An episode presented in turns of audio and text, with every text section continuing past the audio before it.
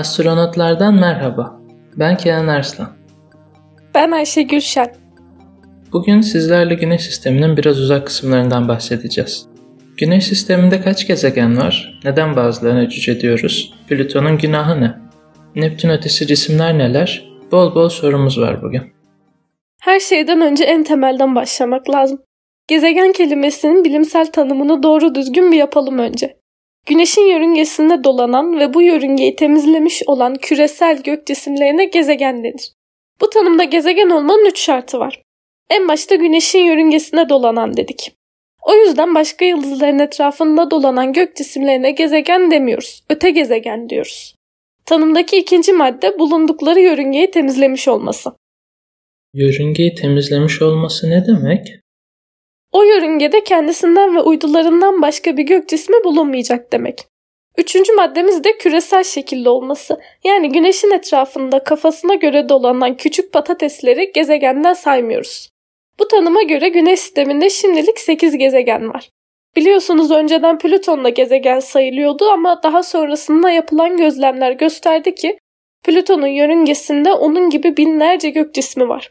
Yani Plüton ikinci maddeyi sağlamamış oluyor. Bu yüzden artık gezegen olarak sınıflandırılmıyor.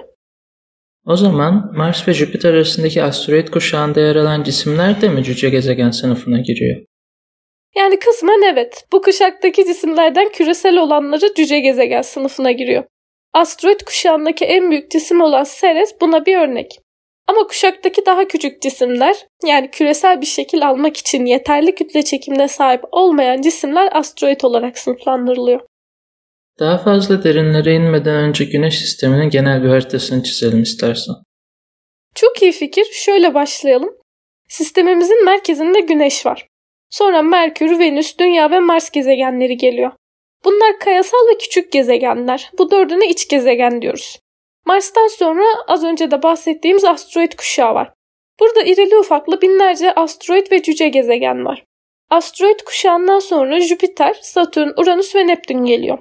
Bu gezegenler iç gezegenlerden çok daha büyük ve tamamen gazdan oluşuyorlar. Güneş sisteminin gezegenleri burada bitiyor. Neptün'ün güneşe uzaklığı yaklaşık 30 astronomik birim. Neptün'den sonra güneşe uzaklığı 30 ila 50 astronomik birim arasındaki bölgeye Kuiper kuşağı diyoruz. Burada Plüton dahil irili ufaklı 100 binin üstünde gök cismi var. Oo epey fazlaymış. Peki Kuiper kuşağından sonra ne geliyor? Kuiper kuşağından sonra dağınık disk denilen bir bölge geliyor. Buradaki cisimlerin dış merkezlikleri hayli yüksek. Yani bunların yörüngeleri aşırı eliptik. Ayrıca yörünge düzlemleri de güneş sisteminin yörünge düzlemine 45 dereceye varan açılar yapıyor. Dağınık diskin bir bölümü Kuiper kuşağıyla iç içe geçiyor. Şu ana kadar bildiğimiz en ağır cüce gezegen olan Eris de bu bölgede bulunuyor. Artık güneşten epey uzaklaştık galiba. Aynen öyle bayağı uzaklaştık. Dağınık disk 500 astronomik birim uzaklığa kadar varıyor. Aynı zamanda kısa dönemli kuyruklu yıldızların da kaynağı burası. Daha da uzağa yaklaşık 50 bin astronomik birim yani hemen hemen bir ışık yılı uzağa gittiğimizde Oort bulutuyla karşılaşıyoruz. Oort bulutu buzlu cisimlerden oluşan ve uzun periyotlu kuyruklu yıldızların kaynağı olan hipotetik küresel bir bulut. O çok uzaklaştık. Geri dönelim biraz. Neptün ötesi cisimlerin detaylarını da anlatır mısın bize? Neptün'ün yörüngesinin ötesindeki tüm cisimler Neptün ötesi cisimler sınıfına giriyor bir kere. Kuiper kuşağı, dağınık disk, Oort bulutu, tüm bu bölgedeki cisimler komple Neptün ötesi cisim. Geçtiğimiz 10 yıl içinde yapılan gözlemler keşfedilen bu Neptün ötesi cisimlerin yörüngelerinde bir tuhaflık olduğunu gösterdi.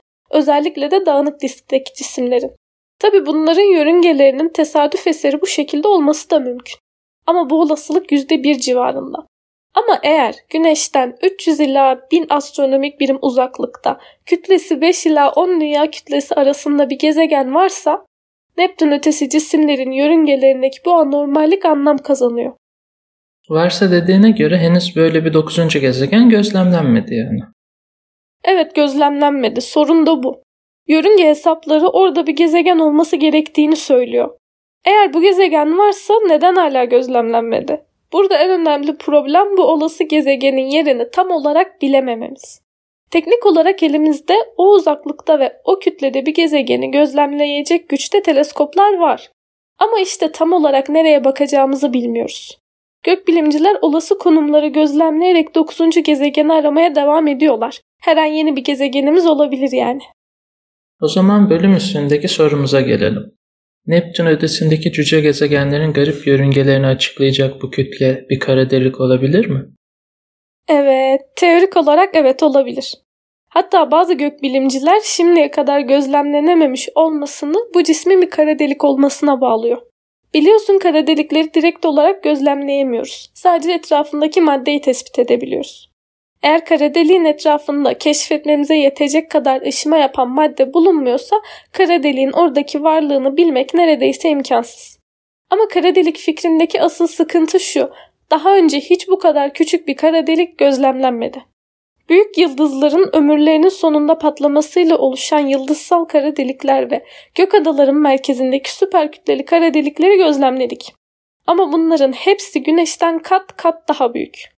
Karşılaştırmayı kolaylaştırmak amacıyla güneşin kütlesinin yaklaşık 333 bin dünya kütlesine denk geldiğini hatırlatayım. Burada bahsettiğimiz kütle ise en fazla 15 dünya kütlesi. Bu kütledeki bir kara delik ancak bir portakal büyüklüğünde olabilir. Teorik olarak bu büyüklükteki kara delikler büyük patlamadan yaklaşık bir saniye sonra bebek evrendeki yoğunluk farkları sebebiyle oluşmuş olabilir. Bunlara ilksel kara delikler deniyor değil mi? Evet, bu ilksel kara deliklerin oluşması için herhangi bir kütle sınırı yok. Dolayısıyla 15 dünya kütlesinde bir ilksel kara delik var olabilir. Hatta karanlık maddeyi açıklayan hipotezler arasında karanlık maddenin ilksel kara delikler olduğu fikri de var. D boyutlardaki kara delikleri bile ancak çevresinde madde varsa gözlemleyebiliyoruz. Peki bize çok yakın olsa da bir portakal büyüklüğündeki kara deliği gözlemleyebilir miyiz?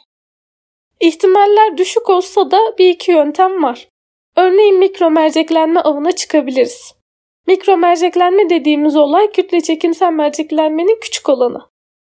Kütle çekimsel merceklenme nedir? Kısaca açıklar mısın? Hemen açıklayalım. Uzayda bir kütlenin, örneğin bir gökada kümesinin arkasındaki cisimleri normalde görememeyi bekleriz. Ama bir gökada kümesinin kütlesi o kadar büyüktür ki arkasındaki cismin ışığını büker ve bir mercek etkisi yaratır. Böylece arkadaki cismi de görebiliriz. Teorik olarak cisim hangi kütlede olursa olsun merceklenme etkisi yaratır. Ama tabii biz büyük olanlarını görebiliyoruz. Ee, peki bu kara deliği gözlemlemekte başka yöntemler de var mı? Evet, diğer yöntemse bu portakal büyüklüğündeki kara deliğe herhangi bir cismin, örneğin bir kuyruklu yıldızın düşmesini beklemek. Kara deliğe düşen cisim yaklaştıkça hızlanacak. Hızlandıkça sıcaklığı artacak ve daha çok ışıma yapacak. Kara deliğe yaklaştıkça bu ışıma da artacak. İşte gökyüzünde bu tür bir ışımanın peşine düşersek o kara deliği yakalayabiliriz. Peki başka bir noktadan yaklaşalım konuya. Elimizdeki gezegen oluşum teorileri 9. gezegen hakkında ne söylüyor? Güneş sisteminde Neptün'ün ötesinde bulunan olası bir gezegen 3 yolla oluşmuş olabilir. Birincisi Güneş sistemi oluşurken şu an bulunduğu yörüngede oluşmuş olabilir. Ama o bölgede o kütlede bir gezegen oluşturacak yeterli zaman ve kütle yok. İkincisi Güneş sisteminin daha iç bölgelerinde oluşup sonradan dışarı sürüklenmiş olabilir. Ama bu sürüklenme de durduk yere olmayacağı için bir etki lazım. Böyle bir etkiye dair bir kanıtımız yok. Üçüncüsü güneş sistemi dışında oluşmuş ve zaman içerisinde güneşin çekim etkisine kapılarak aramıza katılmış olabilir. Bu ihtimallere ilişkin bilimsel araştırmalar var mı? Evet var. 2019 yılında Jacob Schultz ve James Unwin tarafından yayınlanan bir makalede bu üçüncü ihtimal tartışılıyor. Bu makalede şu soruyu sormuşlar. Eğer dokuzuncu gezegen varsa ve sistemimize dışarıdan dahil olduysa bunun bir iksel kara delik olma ihtimali nedir? Peki bir şey bulabilmişler mi? Buldukları sonuç şu. Güneşin yıldızlar arası ortamdan bir gezegen yakalama olasılığıyla bir kara delik yakalama olasılığı birbirine oldukça yakın çıkmış. Sonuç olarak Neptün ötesi cisimlerin yörünge anormalliklerini çözebilecek olası bir dokuzuncu gezegen varsa ve bu gezegen yıldızlar arası ortamdan güneşin çekimine kapılıp geldiyse pekala bu bir iksel kara delik de olabilir. Hatta bu makalede bu iksel kara deliğin nereden gelmiş olabileceğine dair bir öneri de var. Neymiş bu öneri? 25 yıl aşkın sürede devam eden bir proje var. Optik kütle çekimsel merceklenme deneyi.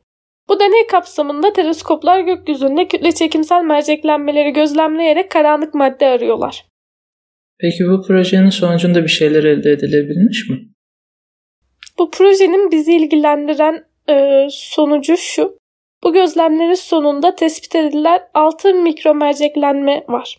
Gök adamımızın merkez bölgesi yönünde yaklaşık 8 kiloparsek uzaklıkta 6 tane mikromerceklenme gözlemlenmiş. Bunlara sebep olan kütleler 0.5 ila 20 dünya kütlesi arasında. Bunlar ya yıldızlar arası ortamda dolaşan başıboş gezegenler olabilir ya da ilksel kara delikler olabilir. Az önce bahsettiğim makalede diyor ki, eğer Güneş'ten 8 kiloparsek uzaklıkta ufak bir ilksel kara delik topluluğu varsa aralarından bir tanesi Güneş'in çekimine kapılıp yörüngeye girmiş olabilir. Anlaşılan o ki 9. gezegeni keşfedecek olan ekibin aynı anda ilk ilksel kara delik gözlemi yapma ihtimali de var. Bir taşla iki kuş. Verdiğim bilgiler için teşekkürler Ayşegül. Yayınımızın yazılı haline ve ek içeriklere erişmek isterseniz astronotlar.space adlı internet sitemize göz atabilirsiniz. Ayrıca astronotlar.space.gmail.com e-posta adresimize konuştuğumuz içeriklere dair düşüncelerinizi ve değinmemizi istediğiniz konuları yazabilir, bir kitap, link veya bilgi paylaşımında bulunabilirsiniz. Sosyal medya hesaplarımızı Instagram ve Twitter'dan astro alt çizgi notlar olarak takip almayı unutmayın. Facebook'tan vazgeçmem diyenlerse bizi astronotlar sayfasında bulabilirler. Gelecek hafta görüşünceye dek gökyüzüne iyi bakın, hoşçakalın. Hoşçakalın.